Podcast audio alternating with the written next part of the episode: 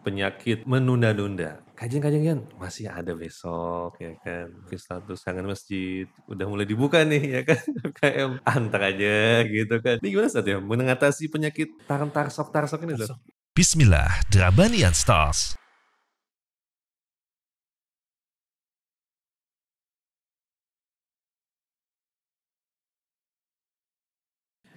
Bismillah, Assalamualaikum warahmatullahi wabarakatuh. Alhamdulillah, wassalatu wassalamu ala rasulillah wa ala alihi ajmain amma ba'd, brothers and sisters. Kembali kita berjumpa di dalam program obrolan ringan yang menarik, penuh faidah dan asyik bersama guru kita. Alhamdulillah dalam program Drabanian Stocks. Alhamdulillah. Dan Alhamdulillah kita akan kembali mengangkat fenomena, permasalahan seputar apa yang kita lihat, kita rasakan dan kita alami dan kita akan diskusikan bersama guru kita yang insya Allah akan menjadi sebuah faedah dan pelajaran buat kita tentu insya Allah. Dan Alhamdulillah telah bergabung bersama kita kedua guru kita yang kita cintai karena Allah, Al-Ustaz Hamdi Salah Abdul Asy Hafidahullah Ta'ala dan Al-Ustaz Muhammad Halis Syariasi Hafidahullah Ta'ala. Assalamualaikum Ustaz. Waalaikumsalam warahmatullahi wabarakatuh. Ahlan. Alhamdulillah, senang sekali bisa kembali berjumpa dengan Ustadz dan teman-teman sekalian. Kita akan coba mengangkat permasalahan yang kita memiliki jumlah dan amanah yang sama. 86.400 detik amanah yang Allah berikan kepada kita dalam satu hari. Masya Allah. Itu 24 jam yang sama, namun tentunya kita memiliki kualitas hasil pencapaian yang berbeda-beda Ustaz ya. Ada yang bisa memaksimalkan jadi mungkin dunia pencapaian, ada yang bisa memaksimalkan buat ibadah, ada yang mungkin tergerus dengan ketidakpastian karena rencana yang gagal atau mungkin dan juga ada yang uh, terperosok karena menunda-nunda nih Ustaz ya. Mas penyakit kita analah Masya Allah. Allah. Nah, Penyakit bersama. penyakit bersama Masya Allah. Dan mungkin pada obrolan kali ini kita coba coba angkat tentang itu saja. Bagaimana sesungguhnya kita memaksimalkan, memanage waktu menjadi sebuah hal yang bermanfaat ya saat karena kan kita sangat menyadari waktu kita terbatas saat ya, masya Allah. Dan kita akan coba angkat mungkin yang pertama adalah bagaimanakah pandangan Islam Ustaz terkait waktu secara khusus dalam hal ini silakan Ustaz. Bismillah, alhamdulillah, wassalatu wassalamu ala rasulillah amma ba'd. Waktu adalah makhluk yang sangat spesial yang Allah subhanahu wa ta'ala ciptakan dan Allah berikan kepada kita semua. Waktu adalah modal agar kita bisa masuk surga. Waktu adalah modal agar kita menjadi orang yang soleh. Waktu adalah modal yang bisa mengasah kita supaya kita bisa menjadi lebih baik lagi. Waktu adalah yang menentukan apakah taubat kita diterima atau tidak. Nabi Shallallahu Alaihi Wasallam mengatakan, "Yuk yakbalullahu taubatal abdi malam yughargir." Sesungguhnya Allah akan menerima taubat seorang hamba sampai rohnya itu di kerongkongan. Kita punya waktu nih sampai ajal kita menjemput. Sehingga waktu adalah modal yang sangat besar, makhluk yang sangat istimewa yang Allah Subhanahu wa taala ciptakan untuk kita semua. Oleh karena itu, saking istimewanya makhluk yang satu ini, Allah Subhanahu wa taala bersumpah dengan waktu di banyak ayat. Antum bisa sebutkan waktu apa? Kemudian kita akan dapatkan di Al-Qur'an Allah Subhanahu wa taala telah bersumpah dengannya. Contohnya waktu subuh. Allah Subhanahu wa taala berfirman, "Wal fajr." Masya Allah. Waktu pagi Allah Subhanahu wa taala berfirman, "Was subhi idza asfar." Waktu duha Allah Subhanahu wa taala berfirman, "Wad duha." Waktu siang Allah Subhanahu wa taala berfirman, "Wal laili idza yaghsha wan nahari idza tajalla." Kemudian waktu asar pun demikian. Apa kata Allah Subhanahu wa taala? Wal asr. Innal insana lafi khusr. Lihat bagaimana Allah Subhanahu wa taala bersumpah dengan waktu-waktu di dalam Al-Qur'an. Dan kaidah yang disebutkan oleh para ulama adalah bahwa makhluk yang Allah Subhanahu wa taala jadikan sebagai bahan sumpah di dalam Al-Qur'an itu menunjukkan keistimewaan makhluk tersebut. Masya Allah. Ya, dan ini kekhususan bagi Allah Subhanahu wa taala. Allah Subhanahu wa taala boleh bersumpah dengan makhluk-makhluknya karena Allah yang menciptakannya. Allah la yus'alu amma yaf'al wa hum yus'alun. Allah Subhanahu wa taala tidak ditanya tentang apa yang dilakukan oleh Allah, tapi hamba-hambanya yang akan ditanya. Ya sehingga ini adalah apa yang dibolehkan bagi Allah Subhanahu wa taala dan kita nggak membolehkan sesuatu atau mengharamkan sesuatu bagi Allah. Allah Azza wa Jalla huwal khaliq. Ya. Akan tapi hal tersebut dilarang bagi kita. Kita nggak boleh bersumpah dengan makhluk. Ya. Man halafa bi ghairillahi faqad kafara au asyrak. Kata Nabi SAW, barang siapa yang bersumpah dengan nama selain Allah, maka dia telah kufur atau terjatuh dalam kesyirikan. Al-Muhim intinya adalah, ketika kita melihat bahwa di banyak ayat Allah Subhanahu wa taala menyebutkan sumpah dengan waktu ini menunjukkan keistimewaan dan keagungan waktu. Sehingga jangan sampai kita malah meremehkan waktu, malah membuang-buang waktu, tidak menggunakan waktu dengan baik. Bahkan Hasan Al Basri mengatakan, Yabna Adam, innama anta ayyam. Idza dhahaba yaumun dhahaba ba'duk. Wahai anak Adam, wahai manusia, sesungguhnya engkau adalah kumpulan hari-hari. Jika hilang satu hari, maka hilang bagian dari dirimu. Subhanallah, kita sangat uh, merasakan hal tersebut. Ya ketika kita nggak manfaatkan dengan baik, ya udah sia-sia terbuang, kualitas diri kita pun nggak bertambah. Kita lihat sekarang udah berapa juz kita hafal Al-Quran. Dan kita dapatkan anak-anak SMP, SMA, mereka udah hafal Al-Quran. Kita yang umur 30, 35, 40 ini yakin nggak punya waktu. Ini udah 40 tahun deh belum menghafal Al-Quran. Tapi anak-anak SMP kok mereka udah bisa menghafal Al-Quran. Apa artinya? Anak-anak SMP ini atau SMA yang masih muda bisa menghafal Al-Quran, mereka menggunakan waktu mereka dengan baik. Tapi kita Allahul Musta'an, semoga Allah Subhanahu wa taala mengampuni kelalaian kita. Ya. Dan banyak contohnya. Ada orang-orang yang subhanallah bisa menguasai berbagai bidang ilmu. Dia bisa apa namanya pelajari kitab-kitab akidah yang banyak dari mulai Qawaid al-Arba, Usul Thalatha, Kitab Tauhid, Lum'atul I'tiqad, Akidah Wasatiyah, uh, Akidah Tahawiyah, udah selesai semuanya. Kita Masya Allah umur 30, 35, 40, satu pun belum ada yang pelajari. Ya akhi, barakallahu fiqh, di sinilah kemudian ya kita menilai diri kita. Subhanallah, Hasan al-Basri, beliau punya perkataan-perkataan yang luar biasa dalam hal ini. Di antara yang tadi disebutkan. Ya hakikat diri kita adalah waktu. Kalau kita memanfaatkan waktu dengan baik, kualitas diri kita juga akan bertambah, akan semakin bagus. Ya oleh karena itu, Abdullah bin Mas'ud, seorang sahabat yang mulia, beliau mengatakan, "Ma nadimtu ala syai'in nadami ala yaumin gharab, gharabat syamsuhu wa naqasa fihi ajali wa lam yazdad fihi amali." Aku tidak pernah menyesal dengan sebuah penyesalan yang lebih besar daripada ketika matahari itu ter, uh, terbenam dalam kondisi ajalku semakin mendekat dan amalku tidak bertambah. Lihat bagaimana Abdullah bin Mas'ud memahami betul tentang keistimewaan waktu. Jangan sampai matahari ini terbenam dalam kondisi kita biasa-biasa aja. Amal kita nggak bertambah. Jangan sampai seperti itu. Bahkan disesali oleh Ibnu Mas'ud kalau bertambah umurnya tapi amalnya nggak bertambah. Ya bahkan um, Al Hasan mengatakan adraktu qauman kanu ala awqatihim ashaddu minkum hirsan ala darahimikum wa dananirikum. Sesungguhnya aku mendapatkan suatu kaum, maksudnya adalah para sahabat, mereka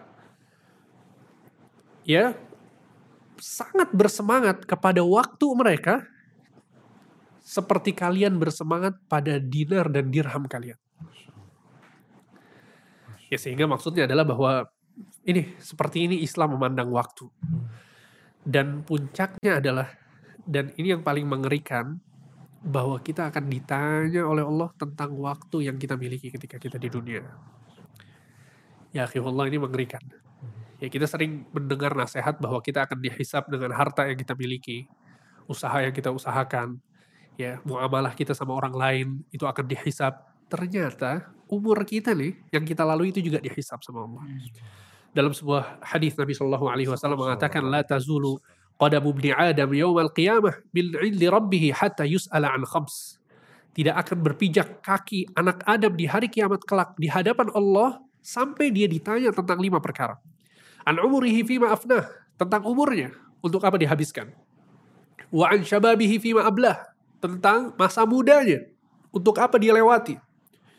Wa, wa aina tentang hartanya untuk apa bagaimana dia mendapatkannya dan seperti apa dia mengeluarkan uang tersebut wa amila fima alim dan apakah dia beramal dengan ilmunya atau tidak. Ini lima pertanyaan bakal ditanya seluruh manusia. Semua manusia konteksnya la tazulu qadam di Adam yaumal qiyamah. Kaki itu nggak berpijak. Maksudnya belum bergerak sudah ditanya. Saking pentingnya pertanyaan-pertanyaan ini. Dan antum melihat pertanyaan yang pertama dan kedua.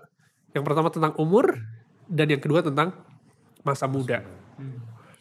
Para ulama mengatakan masa muda ini masuk dalam kategori umur. Tapi kenapa disebutkan secara sendirian? Karena betapa banyaknya manusia yang melalaikan masa muda. Sehingga di hari kiamat kelak Allah tanya tentang umurnya untuk apa dihabiskan. Setelah itu masa mudanya seperti apa. Apa yang harus kita lakukan? Bertaubat ya ikhwan. Bertaubat, memohon kepada Allah kemudahan agar kita bisa memanfaatkan waktu kita dengan baik. Masya Allah, Allah musta'an. Amin Rabbal Alamin. Dan baik saat tadi coba uh, berkaca saat ya. Tadi Ustadz sampaikan kok apa namanya yang sudah usia 30, 40 belum menghafal Quran, mungkin masih belum sempat untuk belajar, sementara mereka itu yang masih muda-muda bisa, asal ditanya, yo bro ngaji, wah gue sibuk nih bro gitu ya, ya nggak sempet nih gitu, ya Allah, sesibuk apakah kita saat ya, dan tapi tapi sama dan sesibuk apa dibandingkan Rasulullah SAW saat ya, mungkin saat bisa memberikan tips gambaran kok bisa ya, betapa berkahnya atau kok cukup waktu beliau SAW dengan 24 jam yang sama tapi bisa menjalankan berbagai macam peran dengan sangat luar biasa gitu saatnya. Ini seperti apa Ustaz? Ya, yeah, barakallahu fikum. Ya, yeah, memang kalau kita lihat Rasulullah SAW ya. Allah Subhanahu wa taala jadikan beliau ini nabi kita ini sebagai uswatun hasanah, panutan buat kita. Laqad kana fi Rasulillahi uswatun hasanah.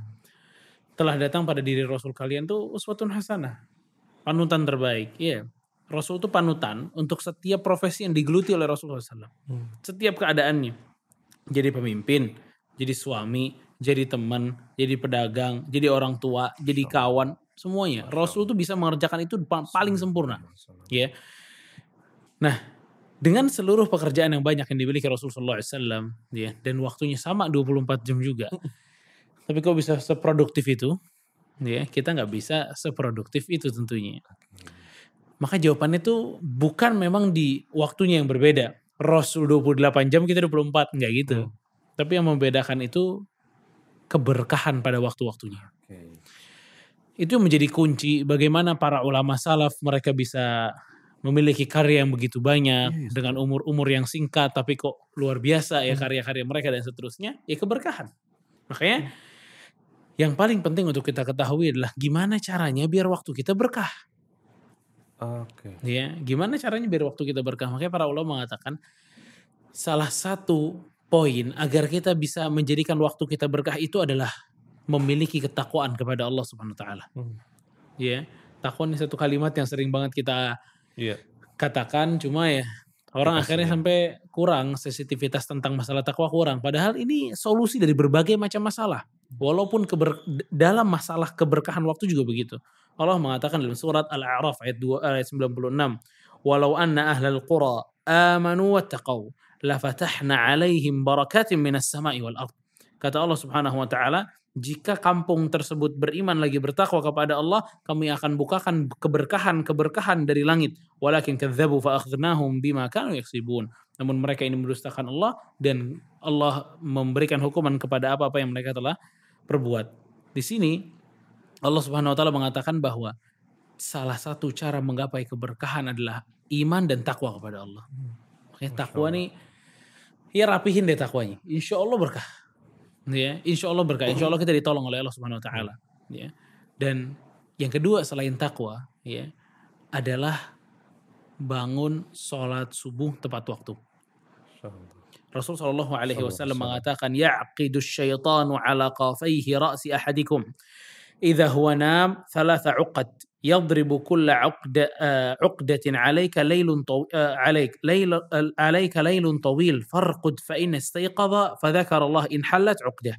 Kata Rasulullah Shallallahu Alaihi Wasallam, setan itu ya mengikat tengkuk kepala seseorang dari kalian pada saat dia sedang tidur.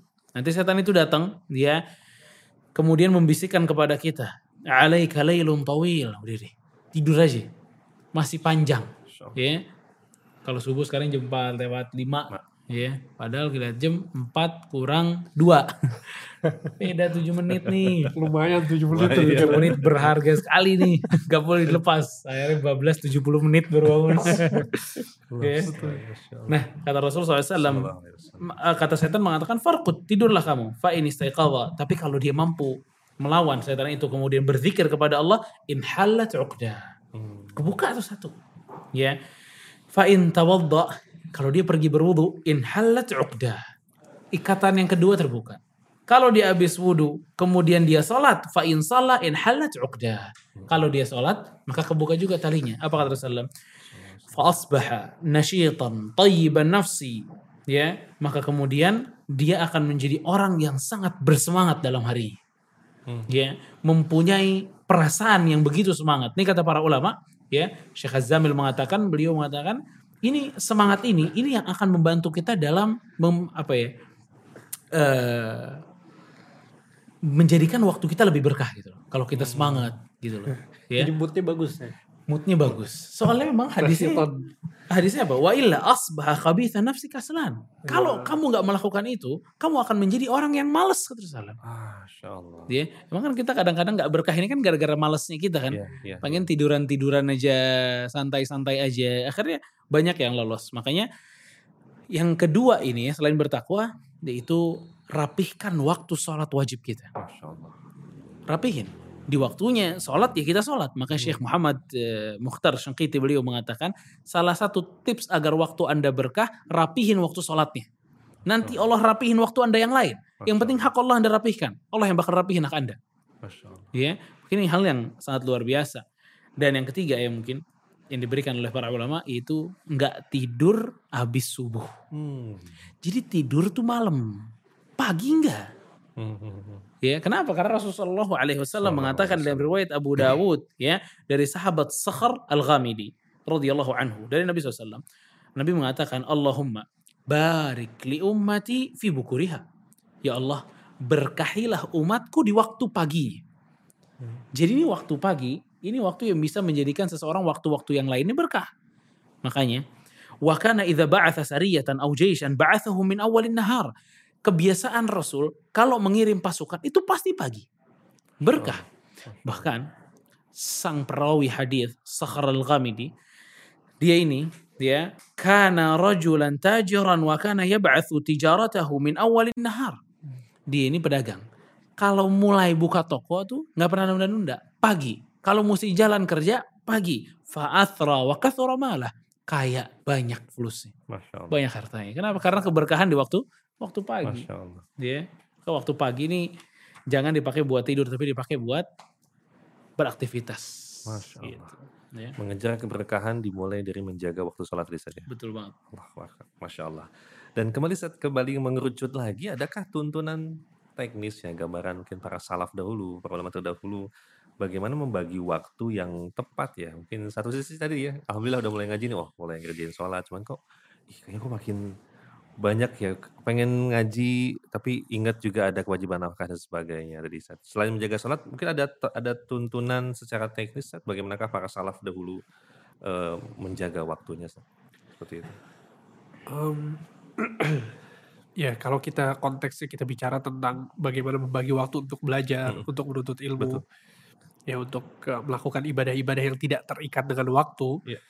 maka ini sebetulnya kita nggak bisa mematok satu cara atau teknis ya, karena kita tahu bahwa Oke. setiap orang itu memiliki kesibukan yang berbeda, Hmm. dia punya jadwal kerja yang berbeda. Betul, Ada betul, sebagian betul. orang mungkin kerjanya malam hari, Taib. Ya, betul. Ada sebagian orang dia jadi apa supir bis misalnya, Mm-mm. atau malam. satpam, keamanan gitu ya. otomatis harus malam dibangun gitu kan, nggak bisa istirahat di malam hari. Al-Muhim intinya adalah bahwa kita harus menentukan waktu untuk belajar, untuk baca Quran, ya, untuk melakukan amal-amal soleh ini. Hmm. Em, pada waktu tertentu dan jangan pernah kita mengatakan bahwa kalau sempat saya belajar. Ya Allah, betul. Kalau kosong, saya ikut kajian. Kalau ada waktu, saya baca buku. Jadi akhirnya baca bukunya itu mengisi kekosongan. Kajiannya mengisi kekosongan. Nah ini nggak benar. Umar bin Khattab radhiyallahu anhu arda. Beliau adalah Umar. Hmm. Ya, sahabat yang sangat mulia. Beliau bercerita di dalam Sahih Bukhari dikisahkan bahwa uh, kata Umar bin Khattab, aku bergantian dengan uh, tetanggaku dari kalangan Ansor untuk pergi kepada Nabi Shallallahu Alaihi Wasallam. Satu hari aku pergi ke Nabi dan tetanggaku ini pergi bekerja. Di keesokan harinya dia yang datang ke Nabi SAW dan aku yang pergi ke pasar. Sehingga terus itu yang dilakukan oleh Umar bin Khattab. Ketika aku pergi ke Rasulullah SAW, aku mendengar uh, wahyu dari Allah yang dikabarkan kepada Nabi, kemudian Nabi menyampaikan kepada para sahabat, kemudian belajar ilmu dari Nabi SAW. Ketika aku pulang di sore hari, aku sampaikan apa yang aku dapatkan dari Rasulullah kepada tetanggaku.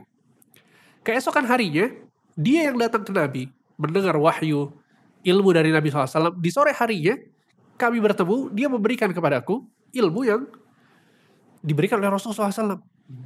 Antum bayangkan ini Umar konsepnya adalah satu hari apa namanya satu hari belajar satu hari kerja. Satu hari belajar satu hari kerja.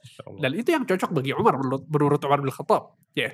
dan kita memiliki waktu yang berbeda kita memiliki kesempatan yang berbeda. Ya kalau misalnya kita kosongnya hari Sabtu dan Minggu misalnya eh, Sabtu dan Ahad silahkan maksimalkan untuk belajar hadir kajian yang ada di hari-hari tersebut. Ada sebagian orang kosongnya hari Rabu misalnya Kamis atau setiap hari kosong badal maghrib misalnya.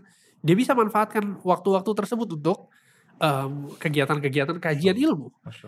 Ya itu kita baru bicara tentang ilmu ya belum lagi ntar membaca Al-Quran. Setiap orang mungkin bisa memanage waktunya setiap setelah sholat misalnya dia membaca Al-Quran sedikit atau dia menghafal Al-Quran setiap hari dia menghafal misalnya tiga ayat atau tiga baris dan lain sebagainya. Intinya adalah bahwa sebagaimana sholat itu diwajibkan sama Allah Subhanahu wa taala ada waktu-waktu tertentu. Hmm. Allah Subhanahu wa taala berfirman, um, Innal inna salata kanat 'alal mu'minina kitaban mauquta. Sesungguhnya sholat itu diwajibkan kepada orang-orang yang beriman dengan waktu waktu yang sudah ditentukan kita ketika azan subuh kita nggak bisa ke mana-mana. Azan zuhur ya udah waktu kita untuk sholat. Hmm. azan asar pun demikian. Nah jadikan dalam keseharian kita itu waktu yang ditentukan untuk kita belajar. Untuk kita membaca Al-Quran. Dan kita harus keras terhadap diri kita. Hmm. ya kita nggak boleh um, ya banyak alasan ke diri kita sendiri hmm. ya. excuse ya alasan. Keras sama orang kita lembut maunya. Itu betul. Jadi betul-betul harus ditentukan waktunya seperti itu. Masya Allah. Ya Allah alam. Duh Masya Allah ya tadi iya mesti keras ke diri sendiri saja. Belum lagi mungkin tadi uh, menganggap diajak kajian bro ayo kaji. Aduh gue gak ada waktu gitu kan insya Allah. Di kiri kita yang ngaji belajar pengangguran apa saja juga ya. Masya Allah. Dan Masya Allah ya tadi lagi-lagi skala prioritas ya. Mungkin mudah-mudahan obrolan kita ini kan menjadi sebuah apa namanya, merubah mindset kita bahwa bagaimana waktu sangat berharga dan digunakan untuk yang manfaat ya. Mungkin sejauh ini kan kita karena dulu mungkin menganggapnya yang paling utama itu mungkin dunia, kerjaan, nafkah, ya kan, tugas dan sebagainya. Mungkin setelah ini kita makin tahu bahwa yang paling utama adalah akhirat saja. Yeah. Nah, nah ini saya masalah juga ada jadi penyakit kita sempat dimention di awal adalah penyakit menunda-nunda. Oh iya, Masya Allah.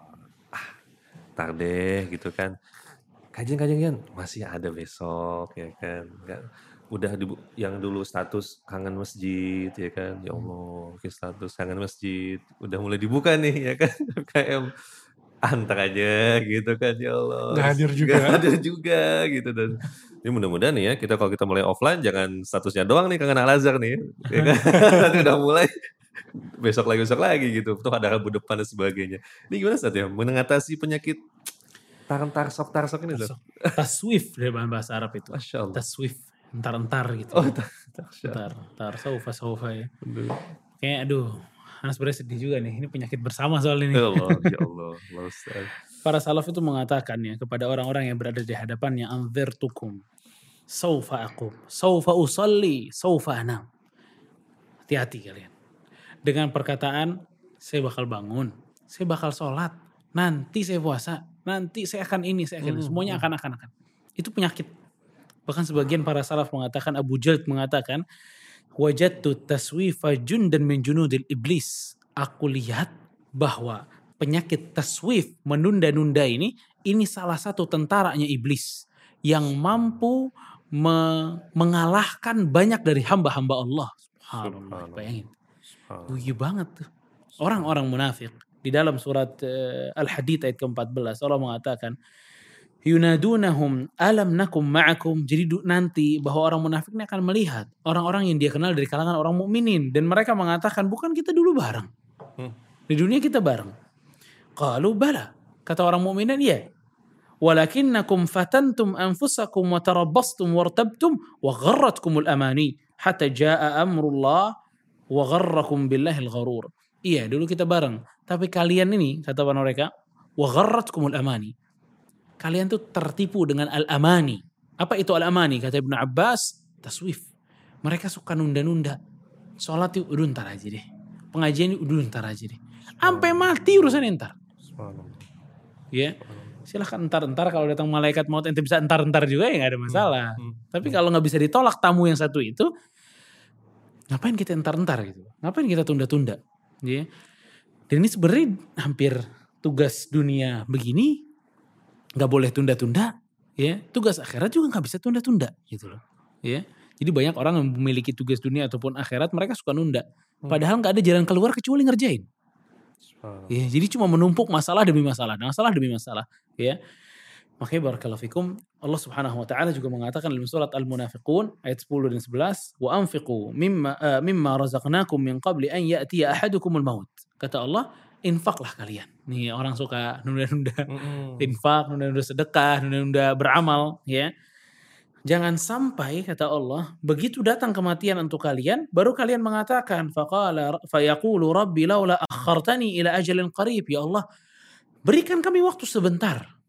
Ya, untuk apa? Fa asaddaq wa akum minas salihin. Saya mau sedekah, lihat. Ini orang nunda-nunda kerjaannya. Akhirnya belangsak sendiri, rusak sendiri gitu loh. Hmm. Makanya kalau kita dengar cerita Ka'ab bin Malik ya yang dihukum oleh Rasul Shallallahu alaihi wasallam ya, itu kan sebab dia bisa dihukum sama Rasul tuh gara nunda-nunda gitu loh. Urusannya suka nunda-nunda nunda-nunda. Makanya nunda-nunda ini nggak ada kebaikan di dalamnya, ya. Masya Allah. Ada satu perkataan salaf, Malik bin Harith mengatakan, Umar bin Khattab mengatakan, atu ada. Apa ya, pelan-pelan, tidak gegabah, itu baik. Hmm. Tapi kalau untuk urusan akhirat itu tidak baik.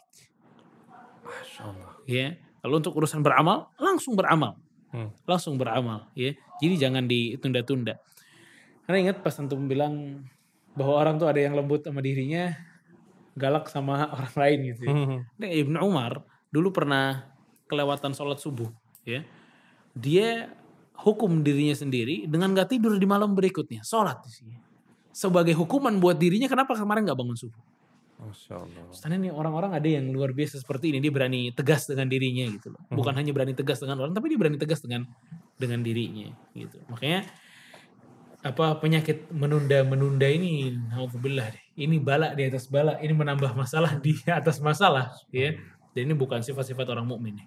Bukan sifat-sifat orang mukmin.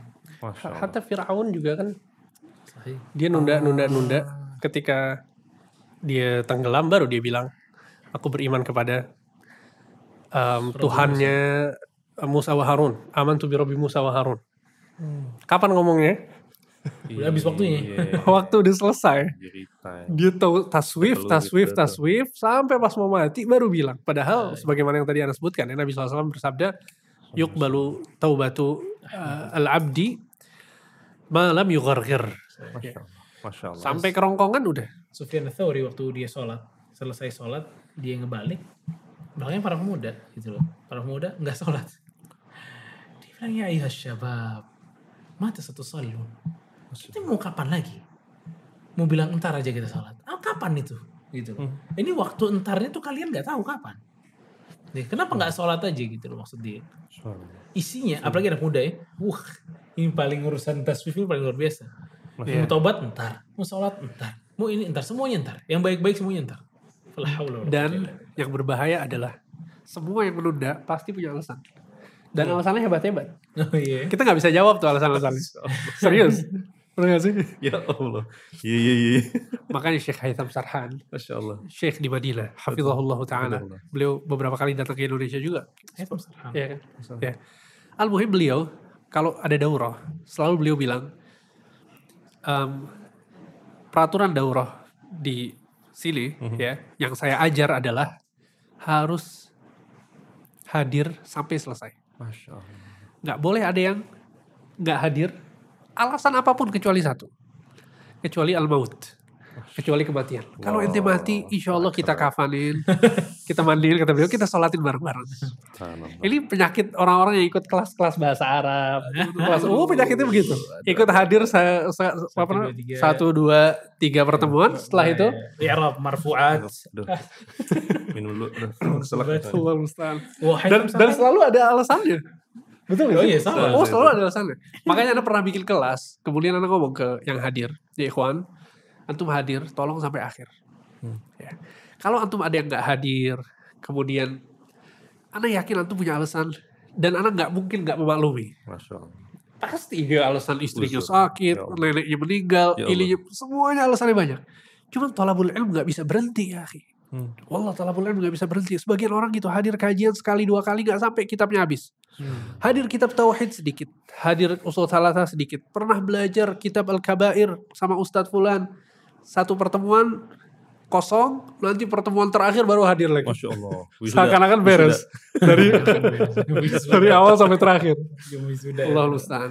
Ya Allah. La haula wala Gitu. Jadi ya kita kalau mau beralasan kita semua punya alasan. Ya kita nggak bakal disalahin sama orang tenang aja, jangan takut. Alasan selalu ada. Tapi kalau kita nggak belajar ya udah, kita nggak dapat apa-apa. Sahih. Masya Allah. Dan juga sedikit to mention ya, saya Haisam Ha- apa Haisam Sakan, Hafidullah itu yang mengisi konten Ayo, Salasa. sahih, betul. Masya Allah. Iya. Hafidullah ya, Masya Allah.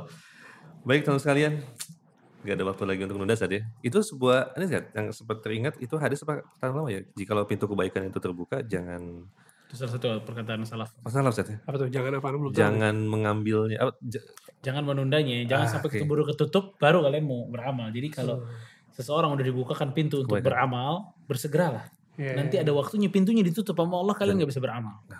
Allah Dan kita nggak tahu bakal kapan kebuka lagi saja Allah kesempatan sahih, itu ya. betul. Allah. Kita sekarang punya kesehatan, Iya. ada waktu luang ya. Betul. Allah benar. Guys, cukuplah pandemi ini pelajaran buat kita semua ya. Betapa sahabat-sahabat kita sudah berlalu, orang kita sayangi, dan kita termasuk yang Allah selamatkan hingga saat ini. Yang mudah-mudahan Allah berikan kepada kita semangat untuk bisa manfaatkan waktu sebaik-baiknya. Amin Rabbal Alamin. Ustaz, terima kasih banyak Ustaz atas pengingatnya, Masya Allah. Atas ilmu dan nasihatnya, Jazakumullah khair. Teman-teman sekalian, semangat ya, Masya Allah. Kita akan manfaatkan peluang kebaikan sekecil apa pun untuk kita maksimalkan. Dan yang paling utama adalah kita semangat untuk belajar ya, Masya Allah. Video podcast ini adalah sebuah eh, wasilah untuk memancing kita untuk kembali terus belajar. Yang paling utama adalah semoga memudahkan kita berjumpa di majlis, insya Allah segera ya, masya Allah. Baik teman-teman sekalian, terima kasih banyak atas atensi dan perhatiannya dan tentunya kembali kami mengucapkan terima kasih banyak kepada teman-teman yang telah mensupport dan terima kasih selalu kepada teman-teman sama sih, masya Allah yang terus mensupport kegiatan kita dengan wardrobe-nya, masya Allah, alhamdulillah, jazakumullah khair atas Kemko Kurta dan juga kemeja yang telah eh, kita gunakan nih Masya Allah teman-teman bisa melihat bagaimana model produknya. Silakan langsung kepoin Instagramnya di sama C Centro, sama C Official, sama C Cloud dan banyak eh, akun-akunnya termasuk juga footwear sama C. Teman-teman bisa menggunakan from top to to Masya Allah dari mulai ujung kepala ke ujung kaki disediakan produknya Masya Allah dan jadi sebuah wasilah untuk bisa berpenampilan syar'i dan tetap asik ya Masya Allah jazakumullah khair dan silakan dan bagi yang di Bandung bisa langsung ke Sama Home Buah Batu Bandung. Buat yang di Jakarta bisa ke Sama Home Jakarta di Tanah Abang. Masya Allah. Jazakumullah khair atas supportnya. Dan juga kembali kita dihadirkan Masya Allah penganan cemilan dari Momam Cookies and Cakery Ustaz. Masya Allah nih, Alhamdulillah sudah berjalan kurang lebih satu setengah tahun menggunakan bahan premium dengan rasa yang berkualitas.